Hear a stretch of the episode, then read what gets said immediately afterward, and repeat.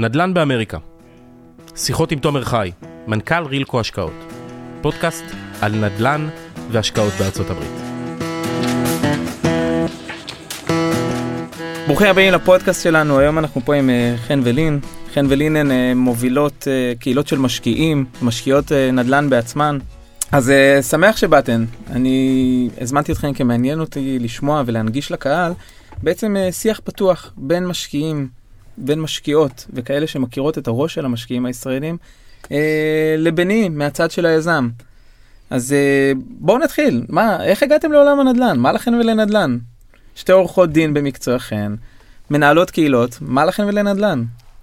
יואו, איזה כיף זה נדל"ן. אה, האמת שאצלי זה התחיל בבית, אני באה מבית שדיבר אה, נדל"ן.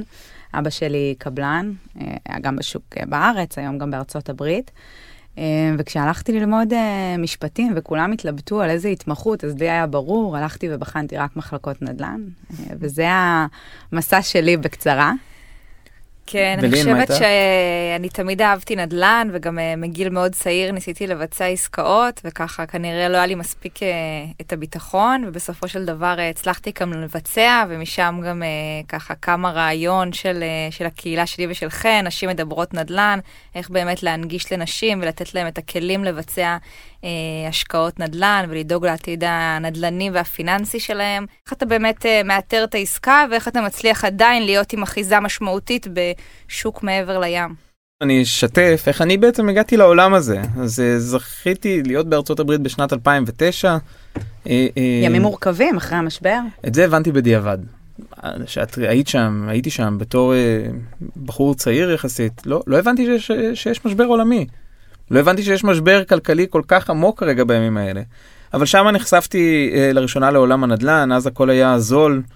אה, היום אני מבין כמה זול וכמה נגיש, אם הייתי... מתחרט הי... שלא קנית עוד, בטוח. אם הייתי עם היכולות של היום ועם הידע והניסיון של היום, כמובן שהייתי במקום אחר והייתי פועל אחרת, אבל אה, למדתי המון. שם זה התחיל בארצות הברית. בארץ דווקא זה התחיל בגיל מאוחר יותר, שפשוט אה, אה, אבא שלי קבע לי עובדה שהוא שם צ'ק על השולחן, אמר, קנית דירה, הנה המקדמה, לך תסביר לאשתך ותמצאו מאיפה לשלם את הכסף. אבל אה, כולנו כן, צריכים כזאת ככה דחיפה. לגמרי. זה, זה באמת חשוב הדחיפה הזאת. זה מאוד קשה לעבור מהעולם התיאורטי ומההבנה הזאת שכן, זה נכון להשקיע בנדל"ן, לעולם המעשי, של אני משקיע בנדל"ן, אני עושה. צריך לחצות פה אה, חסמי פחד משמעותיים. אתה הולך ומסכן כביכול את הכסף שלך, או לא כביכול, כי בהשקעה יש סיכונים, אתה שם את הכסף שלך, את שמה את הכסף שלך במקום שאמור להיות טוב ורווחי, ואין באמת אחוז ודאות גבוה. אבל uh, לאורך השנים זה מוכיח את עצמו. Uh, נדל"ן בארץ, כמו שאמרנו, זה, זו, זה, זה מובן מאליו, או שזה נכון להשקיע בנדל"ן. הביקוש פה לעולם יעלה כי האוכלוסייה גדלה וההיצע לא גדל בקצב uh, הולם. אז הנדל"ן פה מוכיח את עצמו. כן, אבל סף הכניסה פה מאוד מאוד גבוה, וזה כן אה, בהחלט אה, זורק אה, גם אנשים שאולי היו יכולים לקנות בארץ עוד דירה, וגם פה יש אלמנטים של מיסוי, כן להסתכל לשווקים, גם האמריקאי וגם אחרים, כי סף הכניסה יותר ריאלי. לגמרי, זה גם מה שגרם לי כן להיכנס ולהעמיק בעולם בארצות הברית, גם פיזור השקעות. גם מי שמושקע בנדל"ן בארץ ויודע מה שהוא עושה בארץ, זה נכון לפזר.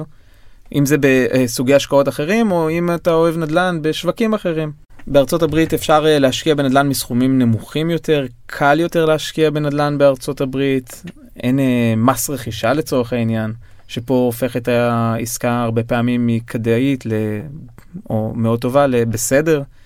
אה, בארצות הברית גם יש מומחים, יש מומחים שאפשר להשקיע דרכם. אפשר למנף את הכסף בצורה יותר קלה, יש הרבה שיקולים למש... להשקיע בארצות הברית.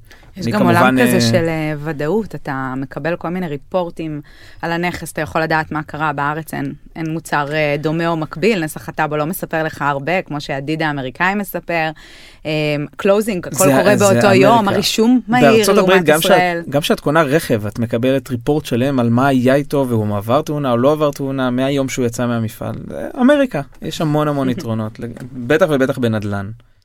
איך בחרתם את הסקטורים לעסוק בהם? משקיעי נדל"ן, בטח בתחילת הדרך, זה באמת להתעסק בשוק המגורים. מסחר, משרדים, לוגיסטיקה, דברים, אה, שימושים מעורבים, פרויקטים יותר מורכבים. איך הגעתם? איך היה מסלול בחירת הסקטור? תראה, אנחנו משתדלים כל, אה, כל זמן מה לשבת ולהסתכל על השוק ו- ולבחון מה, לאן אנחנו הולכים מכאן, מה, מה העסקאות שאנחנו מחפשים בתקופה הקרובה. Uh, לפני מספר שנים, עוד טרום הקורונה 2019, אנחנו החלטנו ללכת ל, uh, לעולם המסחר, המשרדים. אולי עכשיו בדיעבד זה קל להגיד שזו הייתה הבחירה הנכונה, לפחות מבחינתנו. אבל אז זו הייתה לא בחירה מובנת מאליה. בחירה ועדיין, אמיצה. כן, ועדיין בחרנו ללכת אליה. זה היה קצת uh, מרתיע בתחילת 2020 בפרוץ הקורונה ועדיין ידענו לנצל את זה לטובתנו ובאמת לנהל את העסקאות בצורה נכונה כך שגם המשבר הזה הוא בעצם יצר הזדמנות ולקחנו את זה למקום טוב של לתת לסוחרים משמעותיים הנחות או, או מספר חודשים ללא תשלום ותמורת זה uh, החתמנו אותם על חוזים ארוכי טווח. מה שמייצר ודאות ארוכה יותר למשקיעים, יציבות למשקיעים וגם מעלה את ערך הנכס. מעלה את שווי הנכס. התחלנו לדבר מקודם קצת אה, על נושא של אה, איתור עסקאות, באמת ההבדל בין אה, נדל"ן בארץ לנדל"ן בחו"ל. אז אנחנו באמת רואים את המשקיעים ואת השיח בכלל, וגם אצלנו כמשקיעות, כשיש נדל"ן בארץ, קל לנו ללכת, לדבר עם המתווכים, עם השכנים, לבחון עסקאות. קל זה דבר יחסי, את יודעת בעצמך, אמרת שאת העסקה הראשונה איתרת לבד. ללין זה קל, היא התכוונה. זה קל, אני יכולה להגיד שאני את העסקה הראשונה, לקח לי שנה לאתר אותה, אבל זה בשוק מקומי בתל אביב, ואני מכירה את הגורמים, ואת השפה, ואת הדין המקומי. ועדיין את בצד הימני של הפרבולה, זה לא, את לא הממוצע. נכון. אה, אה, לאתר עסקה זה לא פשוט. וגם אחרי שאיתרת אותה, להבין שהיא טובה זה עוד יותר לא פשוט. לבנות את התוכנית העסקית סביבה זה גם עוד אה, אה, אה, מורכבות כזו או אחרת שצריך לדעת לעשות. יש פה המון המון המון מרכיבים לעסקה. אה, צריך המון ניסיון, צריך אה, תחומי ידע מגוונים, צריך לקחת אנשי מקצוע גם נוספים שיכולים ל- ל- להשלים פערים בידע או פערים מסוימים בתכנון שיכולים להיות משמעותיים במהלך הדרך. כשאת הלכת ו- ובעצם עשית עסקה בארץ, עם כמה אנשי מקצוע התייעצת? אם זה עורך דין, אם הרבה. זה שמאי, היו לי באמת זה... את האנשי מקצוע הקבועים שליוו אותי, ואנשי מקצוע נוספים שזה היה בהתאם לעסקה. אני בחנתי מספר אזורים, אה, מספר סיגמנטים של עסקאות, אז באמת אה, אה, השתנה. אבל תספר לנו קצת איך עושים את זה בשוק כל כך גדול, זר, שיש בו הרבה יותר סיגמנטים ופרמטרים, מה, במה אתה נאחז? אז זהו, אז כמו שעשית את זה בארץ, תגדילי את זה פי כמה וכמה בחו"ל.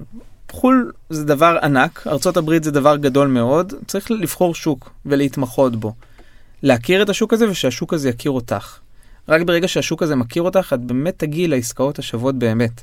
אם היום את תלכי, אה, אה, או בואי נגיד אני אלך וארצה לרכוש בית בתל אביב, אה, ולעומתי יש מתווך שחי פה את המקום הזה ונושם את המקום הזה, גם ירצה לרכוש בית בתל אביב, סביר להניח שהוא יגיע לעסקה יותר טובה ממני. נכון. יש גם ביטוי כזה שאומר שאם העסקה במרקט, כבר ההזדמנות אה, היא קצת אחרי, אז לפעמים הרעיון באמת לקבל את העסקה, אז, אם אתם פועלים בשוק המקומי, היום... עוד לפני שהיא עולה. ל-so called market או לפלטפורמות אה, נגישות לעוד אה, קהלים. אז אחרי עבודה קשה ובאמת טרק רקורד מאוד מאוד רחב ופורטפוליו גדול שאנחנו מחזיקים, היום אנחנו בין השלושה אה, שחקנים המובילים או הקונים המובילים במטרופולין קליבלנד. אז היום באמת העסקאות מגיעות אלינו לפני שהן מגיעות לשוק. רק ככה אנחנו יכולים לייצר במציאות המורכבת הזאת של היום עסקאות מעניינות ועסקאות שוות ועסקאות משתלמות לקהל המשקיעים הישראלי. אה, אין לנו יתרון יחסי לצורך העניין בלוס אנג'לס. בגלל זה אנחנו גם לא הולכים ו- ומשקיעים שם. בינתיים, לנו... לך תדע מה יוליד יום. אין לנו יתרון משמעותי בניו יורק, במנהטן. יש שחקנים יותר גדולים מאיתנו, יותר משמעותיים מאיתנו, בטח ובטח אה, במקום כמו מנהטן, אנחנו לא הולכים לשם. אנחנו נשארים במקום שאנחנו מכירים את הכלכלה בו, שהיא כלכלה יחסית שמרנית, היא כלכלה שעולה לאורך הזמן. אנחנו מכירים את השכונות, אנחנו מכירים את אזורי התעשייה, את אזורי המשרדים. אנחנו יודעים איפה נכון לקנות, איפה הביקושים עולים. אנחנו מכירים גם את הסוחרים המשמעותיים. אנחנו יודעים שאם סוחר מסוים מסיים חוזה בתקופה כזו או אחרת, אנחנו נדע כבר לפנות אליו ולהציע לו מקום פנוי באחד הפרויקטים שלנו, באחד הבניינים שלנו. אה, רק היכרות מעמיקה עם השטח באמת יכולה לייצר יתרון יחסי משמעותי בשוק הנדל"ן. אז תיתן לנו ככה הצצה, באמת היום אתה אומר שהעסקאות מגיעות אליכם, אתם כבר עם אחיזה מאוד משמעותית בשטח, מגיעה עסקה, מה אתם בוחנים בה, מה הפרמטרים והמאפיינים בעצם שגורמים לכם להחליט אם זאת עסקה שהיא אה, משמעותית ומתאימה לרילקו או לא? אה, יפה, אז היום יש לנו כבר מערכת אה, די משומנת, שכל התהליכים האלה קורים באופן שוטף. יש כמה פרמטרים. אחד, מבחינה אה, כלכלית, מבחינה אה, פיננסית, לראות שהעסקה הזאת משתלמת, שהיא יכולה לייצר ערך משמעותי למשקיעים, בטח ישראלים, שמשקיעים מעבר לים.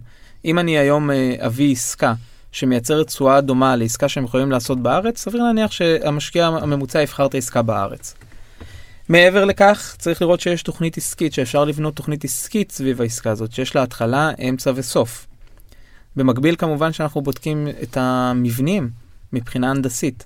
אנחנו לוקחים אה, אה, סוקר אה, מקצועי, אנחנו לוקחים סוקר מקצועי שבעצם אה, אה, מוציא אה, מסמך עב כרס שבודק את הבניין מ- מהגג ועד היסודות, את כל המערכות, את המיזוג, את החשמל, את הכיבוי אש, כל המערכות הכי הכי חשובות, לדעת מול מה אנחנו עומדים. בהתאם לגיל המערכות, או, או, או לאופי המערכות, או לטיב המערכות, אנחנו גם בונים את התוכנית העסקית ולוקחים לנו את המרווחי ביטחון. אה, מעבר לזה, בדיקות נאותות על הסוחרים, אנחנו בוחנים את הסוחרים, אנחנו בודקים את החוזים שלהם, אנחנו באים ומראיינים אותם. אתם מרוצים מהנכס, אתם רוצים להישאר בנכס, אתם מתכננים לעבור. יש עוד המון המון מרכיבים קטנים, אני חושב שנגעתי בעיקריים שבהם. זה תהליך ארוך, זה יכול להיות תהליך של חודש, חודשיים, אפילו שלושה חודשים, בשביל באמת להבין אם העסקה הזאת טובה ואנחנו רוצים להוציא אותה לפועל. אגב, קרה גם שבחנו עסקה ורצינו להוציא אותה לפועל, וממש בישורת האחרונה החלטנו שאנחנו מתקפלים. שהכדאיות אמנם נראתה בהתחלה טוב, אבל עכשיו היא כבר לא, לא מספיק טובה, או שצצה עסקה אחרת טובה יותר. אנחנו לא, אנחנו לא נשארים מקובעים לאיזה משהו, להנחת יסוד מסוימת שח, אה, שהרגשנו כלפי עסקה מסוימת בזמן כזה או אחר. אנחנו דינמיים, חיים את השוק. בסוף הכל מסתכם לדבר אחד, לוועדת ההשקעות, שבעצם אנחנו יושבים, מספר מומחים, כל אחד בתחום אחר, לוקחים את כל הנתונים, לוקחים את כל הממצאים ומחליטים אם ההשקעה הזאת טובה ואנחנו הולכים אליה, או שאנחנו זונחים אותה והולכים אה, להשקעה אחרת שבחנו. יכלנו להמשיך ככה עוד אה, זמן רב, אבל הגענו פה לסוף הפרק. אז אה, קודם כל מאוד נהניתי. חן ולין, שמחתי לארח אתכם פה. גם אנחנו, תודה. מאוד היה מרתק, למדתי הרבה. שמחתי מאוד. והכי חשוב, לגמרי. יצאתי מפה, תומר, עם uh, רצון לשבת איתך יותר ולדבר על ההזדמנויות הבאות בשוק האמריקאי. כבר עכשיו נקבע את הפרק הבא, לפחות. אז uh, כן, אל תתפשרו. תבינו מי האנשים שאתם משקיעים איתם. אני חושב שזה המסר הכי חשוב מהפרק הזה. כל הדברים האחרים, משפטים, מיקומים, הכל, כמובן זה חשוב, אבל בסוף אתם משקיעים באנשים, אנחנו משקיעים באנשים. אז uh, שיהיה המון בהצלחה, אנחנו נתראה בפרק הבא. איזה כיף, תודה, תודה רבה. תודה רבה.